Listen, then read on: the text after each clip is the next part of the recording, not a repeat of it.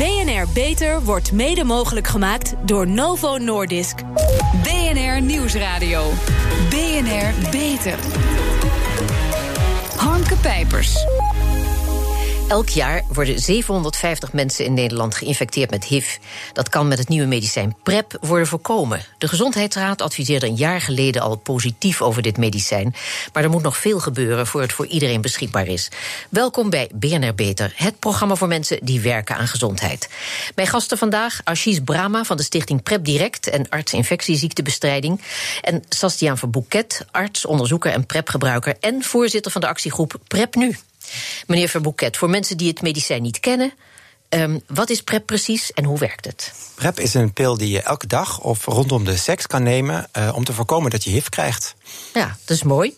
En het is succesvol. Ja. Het beschermt. Ja, het werkt bijna uh, 100 procent. Ja. Hoeveel mannen werken, gebruiken nu PrEP? Ja, het is moeilijk om te schatten, omdat er niet hele goede registratie nu van is. Maar de laatste cijfers zijn dat er ongeveer 3000 mensen uh, PrEP gebruiken. Ja. En is het alleen maar geschikt voor homoseksuele mannen? Of hebben ook andere groepen baat bij dit medicijn? Andere groepen uh, hebben, kunnen ook baat hebben bij dit medicijn. Maar ja. in Nederland komt de meeste HIV voor bij mannen die seks hebben met mannen. Uh, dus in Nederland is denk ik de belangrijkste groep wel de mannen die seks hebben met mannen die PrEP kunnen gebruiken. De Gezondheidsraad sprak zich vorig jaar positief uit over deze pre-expositieprofilaxe, kortweg PrEP. Bovendien is het eh, medicijn betaalbaar geworden omdat het inmiddels uit patent is. 30 tabletten kosten nu een paar tientjes in plaats van 500 euro. Dat heeft uh, strijd gekost hè, om al met al zover te komen. Ja, we hebben als PrEP nu uh, ook echt geprobeerd met, in overleg met apothekers en, en de farmaceutische bedrijven om die PrEP zo snel, de prijs zo snel mogelijk naar beneden te krijgen. Mm -hmm. om, omdat het gewoon nodig was dat mensen hier aan begonnen. Ja, en, en hebben de verzekeraars hier ook nog een rol in? Gaan zij vergoeden of, of bijdragen? Nee, dat is niet het plan. Uh, -hmm. De minister heeft nu een uh, plan bedacht waarbij er een, een aantal duizend mensen uh, aan de PrEP kunnen gaan starten straks via GGD's. Maar dat gaat buiten de verzekering om. De PrEP-verstrekking gaat dan via de GGD zelf. Dus de verzekeraar heeft daar helemaal geen rol in. Ja. Meneer Brama, toch is de strijd hiermee nog niet gestreden. En daarom is er afgelopen maand een stichting opgericht die PrEP beschikbaar wil maken voor iedereen. Want dat is nodig? Betaalbaar en beschikbaar voor iedereen, inderdaad. Dat is nodig. Want ja, is nog betaalbaar is ook een belangrijk punt, hè? Zeker. Want drie tientjes, wat hadden we, wat zei we ook alweer? 25 euro, drie tientjes. Ja, precies, per maand. Ja. ja. Maar dat is voor heel veel mensen toch nog een bezwaar. Dat klopt. En als je het via de GGD zou krijgen, zou het 12,5 euro zijn. Maar dan hebben we het over een maand of vier van nu. Dat is nu nog niet. Ja, ja. Hoe, hoe kan het dat het medicijn een jaar na het advies van de Gezondheidsraad nog steeds niet voor iedereen beschikbaar is? Waarom duurt het zo lang? Nou, een van de redenen is dat je iets hebt dat heet een Europese aanbestedingsregel. Voor mm -hmm.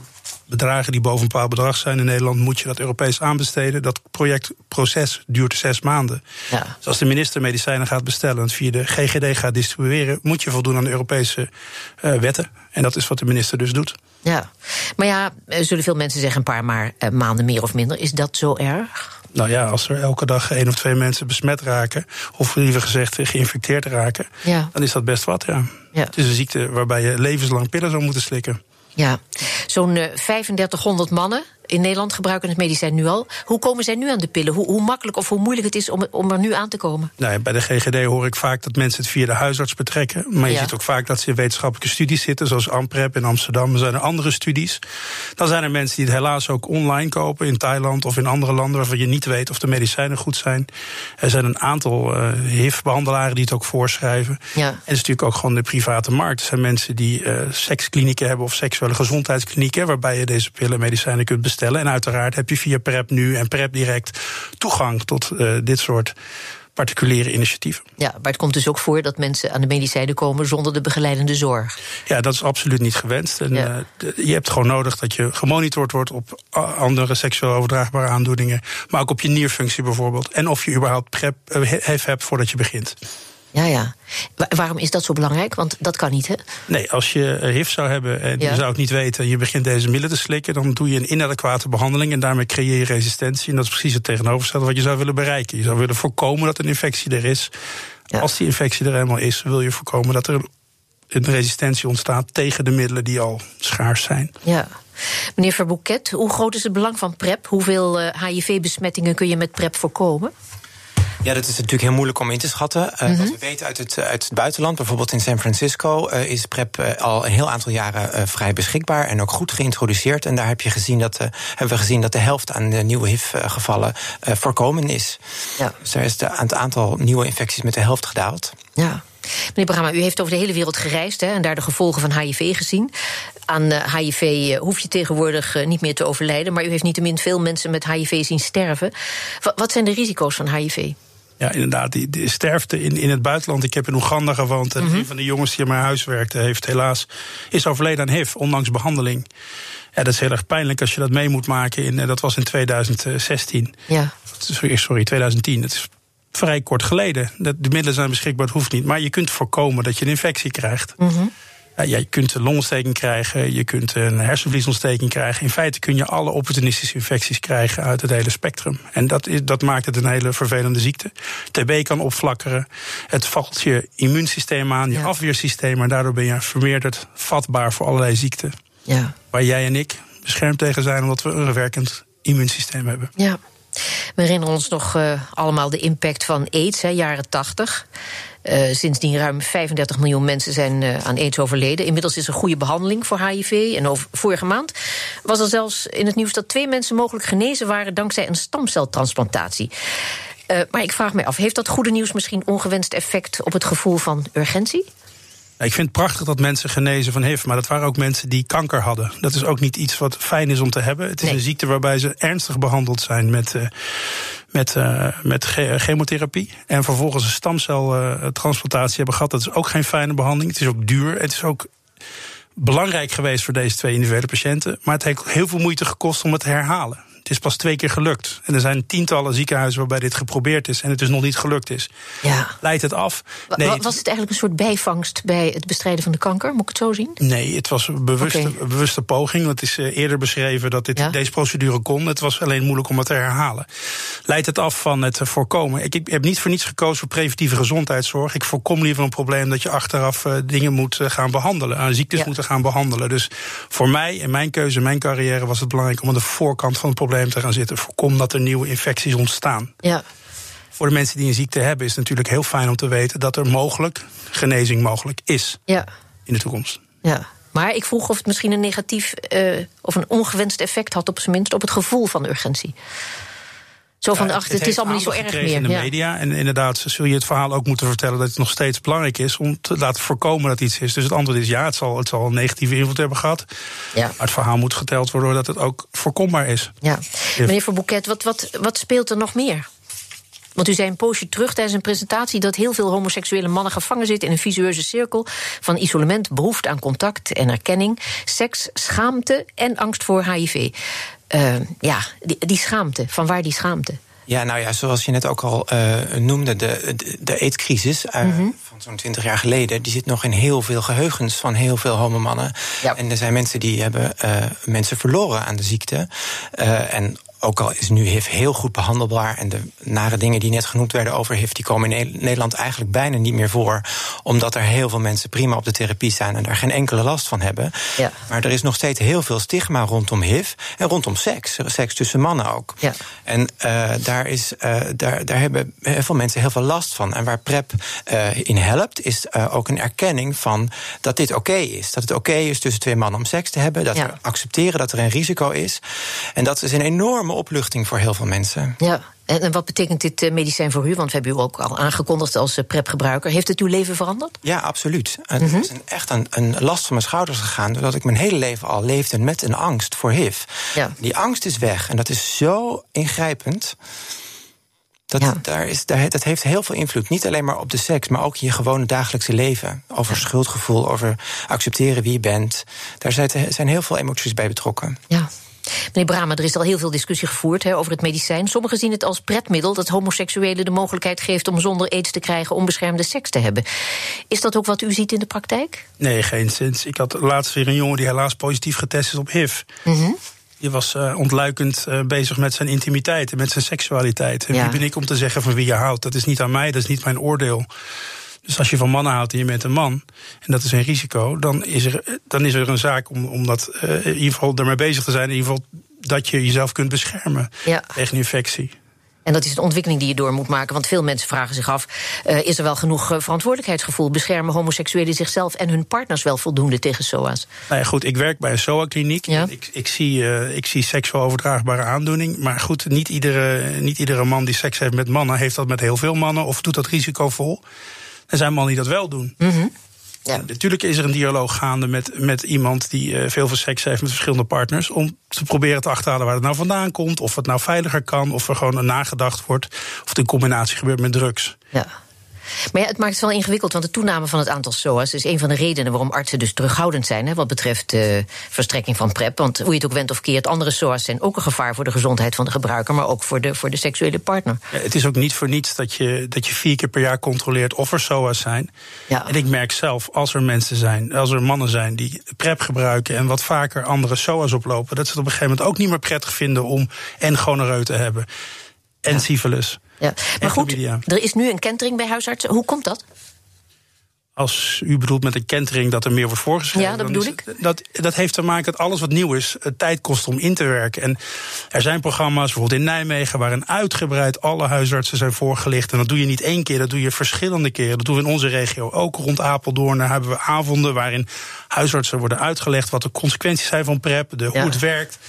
De eerste vergadering is vaak, of de eerste bijeenkomst, ja, nee, willen we niet. We moeten al zoveel doen. De overheid ja. wil dat we die taak erbij nemen, die taak erbij nemen. Maar was er ook een soort moreel oordeel wat nu verdwijnt, zeg maar, verdrongen wordt door een heel praktisch niet, inzicht? Ik ga niet een hele groep, beroepsgroep over één kam scheren of zeggen dat er nee, een bepaalde moraal ook niet, is. Er zijn, er zijn uh, mensen die inderdaad op morele gronden zeggen: nee, ik ga dat niet voorschrijven. Ja. Wij hebben, uh, ik heb meegemaakt in onze praktijk dat er uh, bij de GGD dan, dat er jongens zijn of mannen zijn die overstappen van huisarts. Omdat de huisarts het absoluut niet wil voorschrijven. Omdat ze het afkeuren homoseksueel gedrag. Ja. Ik werk op de Veluwe, ik werk in de achterhoek.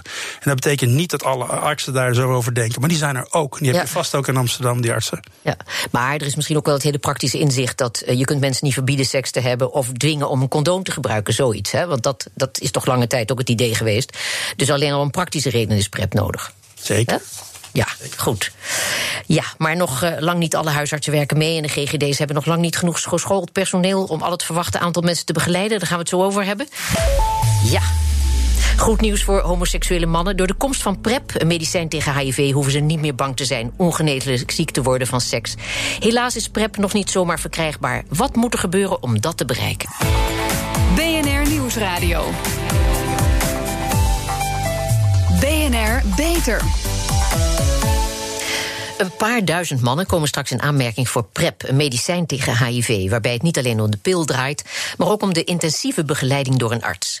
Mijn gasten Ashish Brahma van stichting PrEP Direct en arts infectieziektebestrijding, en Sebastiaan Verbouquet, arts, onderzoeker en PrEP-gebruiker en voorzitter van de actiegroep PrEP Nu. Ja, meneer Brahma, hoeveel mannen komen er in aanmerking voor uh, PrEP? Van de overheid 6500. Zo. Voor de uitzending spraken we uh, Rinske van der Bij. Zij is verantwoordelijk voor de coördinatie tussen de GGD'en van de prepzorg.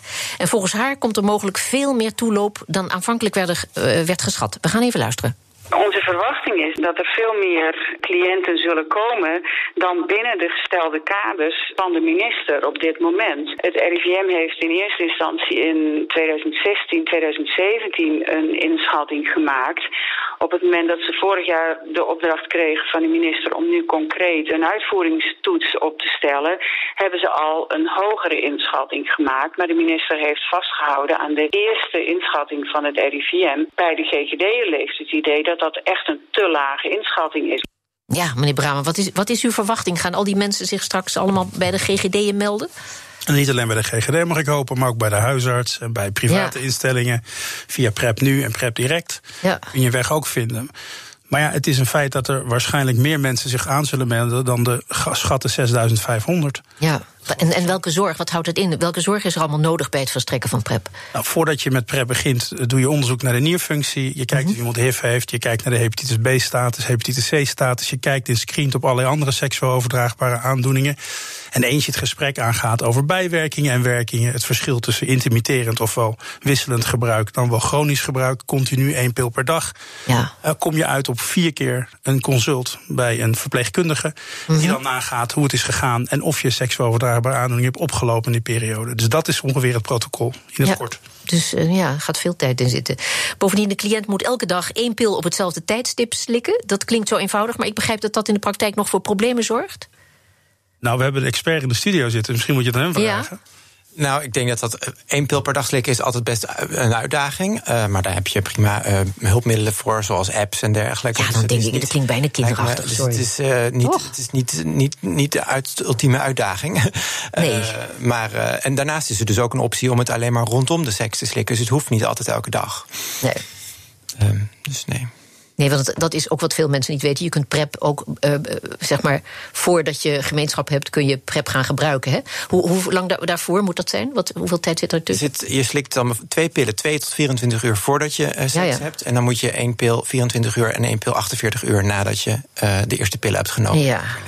Ja, is ook niet eigenlijk zoals een mens in elkaar zit. Hè? Dus je kunt dan beter gewoon voorzien zijn van PrEP. Ja, kiezen heel veel mensen toch voor om het zo te doen, zoals net beschreven. Ja, voor sommige mensen past dat in hun leven. Kijk, daar gaat het om, hè, dat iedereen heeft een eigen, maakt zijn eigen keuzes. De ene gebruikt condooms, de andere gebruikt PrEP... Uh, en de andere ene gebruikt alleen maar PrEP rondom een bepaald seks. Dat is, het mooiste is dat er diversiteit is, want de mens is divers. Ja, en dat, dat is ook waar. De intimiteit uh, is ook divers. Ja, dus daar... daar Kortom, waar hebben we het over? Hè? Ja. Meneer Van Boeket, ja. volgens het overheidsrapport Implementatie PrEP-verstrekking en medische begeleiding in Nederland zouden 6500 mannen gebruik maken van PrEP.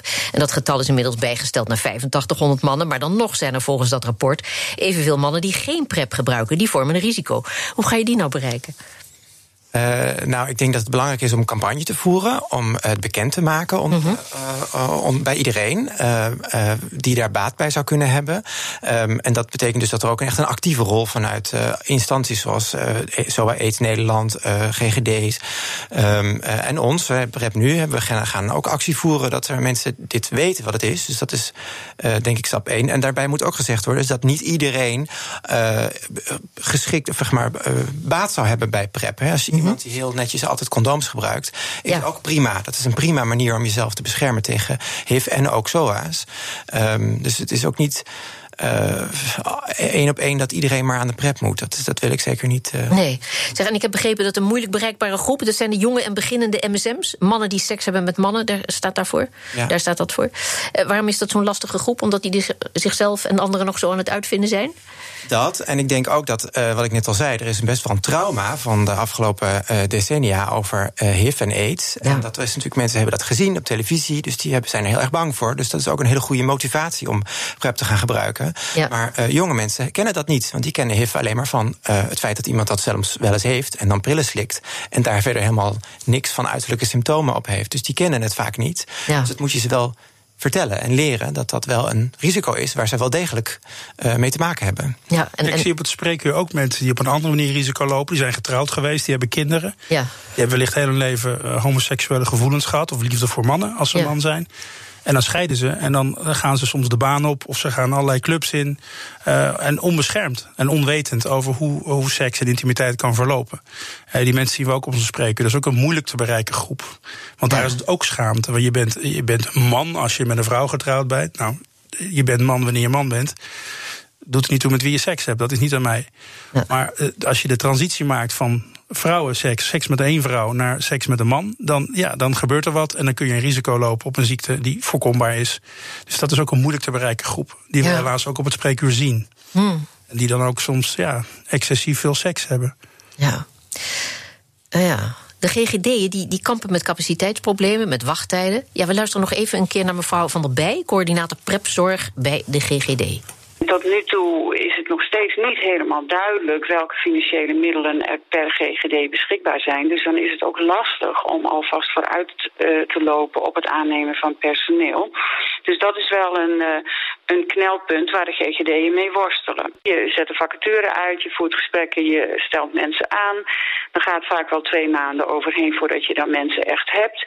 Ze liggen niet voor het oprapen en dan moet je mensen inwerken. Dus als je nu begint, dan zou je in de zomerperiode wel mensen uh, beschikbaar moeten hebben. Maar dan moet je ze wel kunnen vinden. Tja. Mevrouw van der Bij, dus van de GGD. Op zijn vroegst in de zomer is er genoeg personeel. Ja, hoe realistisch is dat? Uh, gaan de GGD'en het redden, meneer Bramma? Nou, we hebben twee maanden geleden iemand aangenomen... vooruitlopend op het besluit dat ja. het geld beschikbaar zou komen... omdat we wisten dat dit eraan zat te komen. Bovendien is niet de enige taak die we hebben PrEP verstrekken... bij ja. seksuele gezondheidsspreekuren. Er waren andere redenen om iemand in te huren. We hebben een man aangenomen en die werken we nu in. En op het moment dat wij beginnen, hopelijk is dat 1 juni. Ik hoop dat de baas daarmee akkoord gaat, want dat, dat moet nog afgestemd worden. Ja. Maar we begeleiden al 50 mensen die via huisarts PrEP krijgen. Mm Daar doen we testen voor. En, die, en we nemen de huisarts ook aan de hand. We leggen dingen uit. Sommige huisartsen kunnen het prima zelf en sommigen hebben hulp nodig. Nou, die, die ondersteunen we daarin. Dat is ook, ik heb vandaag nog twee brieven gestuurd naar een huisarts voor. met het verzoek: wilt u PrEP voorschrijven? Nou, ik hoop dat we dat over een maand of twee zelf kunnen doen. Ja, maar ik begreep dat u ook eh, behoorlijk wat kritiek had op de GGD. Of uh, krijg ik die niet te horen nu? Nou, die kunt u best uh, horen van mij. Kijk, als je zegt dat je prepared bent voor iets. en het mhm. komt er al drie, vier jaar aan. en het onderzoek is gedaan in Amerika en in Engeland. dan begrijp ik soms ook niet waarom er onderzoek gedaan moet worden in Nederland. Want wetenschappelijk onderzoek zou over de hele wereld repliceerbaar moeten kunnen zijn. Ja. En het voorbereiden op iets wat eigenlijk in mijn beleving toch niet zo complex is. 6.500 mensen voorzien van medicijnen. Maar goed, ik ben tropenarts geweest, jarenlang. Ik kijk niet zo moeilijk naar dingen. Ik zeg hakken, zagen, gewoon doen. En net zo werkt Nederland niet. Dus daar moet ik ook aan wennen. En we hebben hier veel vergaderingen en dingen moeten afgestemd worden. Ik heb morgen een afstemmingsoverleg met mevrouw Van der Bij en vijf eh, zeer adequate artsen en verpleegkundige seksuele gezondheid. En er staat het thema PrEP ook op de agenda om te kijken hoe we in Oost, waar 950 mensen in aanmerking komen, eventueel aan de PrEP kunnen komen. Ja. En daar zijn er al een paar honderd van. Wordt heel gezellig morgen. Zeker. Meneer Brahma, waar staan we over vijf jaar wat HIV betreft? Nou, volgens mij moet er een overdracht zijn dat PrEP, uh, PrEP-gebruik genormaliseerd is. Dat het door de huisartsen voorgeschreven kan worden. Niet door HIV-behandelaren, maar als het moet dan wel. Ook door uh, particuliere artsen die voor bedrijven werken en ook door de GGD. En als over vijf jaar het zover is dat we deze zorg over kunnen dragen, dat in het geweten en het, in het DNA van de arts zit dat je PrEP kunt voorschrijven hoe het behandeld moet worden, dan is de rol van de GGD daar vooral een voorlichtende rol geweest. En een beginnende rol, initiërende rol. En dan kan de huisarts het zelf. Of, uh, of een private partij. Zullen we ooit uh, het punt bereiken dat we het aantal besmettingen teruggebracht zal zijn naar nul? Nou, ik denk het niet. Ik zou het heel graag willen. Maar ik denk dat we wel dicht in de buurt kunnen komen. Ja, meneer Verbouquet, Nederland liep altijd enorm voorop, maar nu achterop. Eh, dat zit u dwars, vertel. Waarin lopen wij zo achterop? Nou, het, het, met name in het PrEP-dossier. Uh, want we hebben, weten al ruim vijf jaar dat PrEP goed werkt. En dat het bewezen is. En dat, er, en dat heeft dus nog zo lang geduurd. En eigenlijk is er nog steeds geen goed programma. Nog steeds niet. Uh, waarin PrEP breed verspreid, breed verspreid kan worden. Ja. En dat is, dat is echt heel erg jammer. Terwijl er toch, we hebben heel, in Nederland een hele goede HIV-zorg. Ja. We hebben echt de mogelijkheid, ik geloof er wel in, om HIV-infecties naar nul te krijgen in Nederland. Oké, um, laten we het hopen. Hartelijk dank, Sebastian Verbouquet en Ashit Brahma. Pioniers in de zorg. Onze zorgredactie speurt naar interessante medische innovaties binnen en buiten de muren van de universiteit. Waar werken ze aan? Wat moeten wij erover weten? Rebecca van Dam, je gaat het hebben over een onderzoek met een intelligent mes. Dat klinkt interessant hoor. Ja, nou dat vond ik nou ook. Het gaat om het iKnife. Dit is een intelligente techniek in het mes dat wordt gebruikt bij het verwijderen van een tumor. Daarbij is het belangrijk dat de arts niet te veel gezond weefsel weghaalt, want soms is dat van levensbelang, zoals bijvoorbeeld bij organen. Maar je wilt ook niet dat er kankercellen achterblijven. Daar is dit intelligente mes voor. Ja, dat klinkt als een mooi staaltje techniek, maar vertel, hoe werkt dat dan? Nou, het mes wordt verhit en creëert rook als het tijdens de operatie in contact komt met zowel het gezonde weefsel als het tumorweefsel. Die rook die bevat moleculen en is een soort vingerafdruk van het weefsel waar heel veel informatie uit wordt gehaald. En daarmee kan dus worden onderscheiden om wat voor weefsel het gaat, tumor of gezond. Vergelijk het met barbecue bijvoorbeeld. Als je vis op de barbecue legt, snuift je neus een heel andere geur op dan als je vlees bakt. Oh. Nou, hoe dat precies technisch werkt, legt onderzoeksleider Ron Heren uit. Onze verwachting is dat er veel meer cliënten zullen komen. Alleen nu horen we niet Ron Heren. Elke tumor heeft een bepaalde graad van heterogeniteit. Dus voor elk tumor heb je een bepaald profiel die eigenlijk die tumor op moleculair niveau identificeert. Het is eigenlijk zeg maar, een soort moleculair paspoort voor het weefsel. Met dit iKnife lezen we in de patiënt de paspoorten van alle verschillende weefseltypes uit. Eh, het is een beetje hetzelfde als we kunnen heel makkelijk het verschil zien tussen eh, de hart en de lever. Onze chirurgen zien dat vanzelf ook goed. Maar als dat verschil iets minder duidelijk wordt tussen een tumor in de lever en een normale lever, soms is dat optisch niet te zien. Als je naar het moleculaire paspoort van die weefsels kijkt, is dat wel heel goed te zien. Inmiddels zijn van allerlei soorten tumoren zulke paspoorten, die moleculaire modellen gemaakt. En zo kan deze techniek bij meerdere vormen van kanker worden gebruikt, omdat hij ze dus allemaal herkent. Ja. Zeg, en, die zorg eh, die wordt hierdoor niet overbodig, hè? al was het maar omdat hij het mes moet vasthouden. Toch? Nee, zeker niet. Deze techniek moet operaties sneller maken en effectiever. Als alle kankercellen namelijk meteen bij de eerste ingreep verwijderd zijn, hoeft er niet opnieuw te worden geopereerd. En dat is ook goedkoper. Maar er moet natuurlijk altijd iemand zijn die het mes bedient en goed weet waar die moet snijden. Ja, die iKnife zit nu nog in de testfase. Wat moet er gebeuren voordat we dit uh, intelligente mes overal uh, in de operatiekamer zien? Onderzoekers en chirurgen in Maastricht werken samen om het iKnife goedgekeurd te krijgen. Dat kan nog wel even duren. En ook andere landen doen mee, zoals Engeland, Canada en China. Al die landen samen kunnen die profielen, die paspoorten van tumorweefsel vergelijken. En zo wordt de techniek steeds nauwkeuriger en effectiever. Dankjewel, Rebecca van Dam. En tot zover deze uitzending van BNR Beter. Op bnr.nl slash beter is deze uitzending terug te luisteren. Of on demand via de BNR-app, Spotify of iTunes. We zijn ook op Twitter te vinden onder BNR Beter. Dus heeft u tips voor ons? Uh, laat het ons weten. Ik ben Harmke Pijpers. Tot een volgend spreekuur. BNR Beter wordt mede mogelijk gemaakt door Novo Nordisk.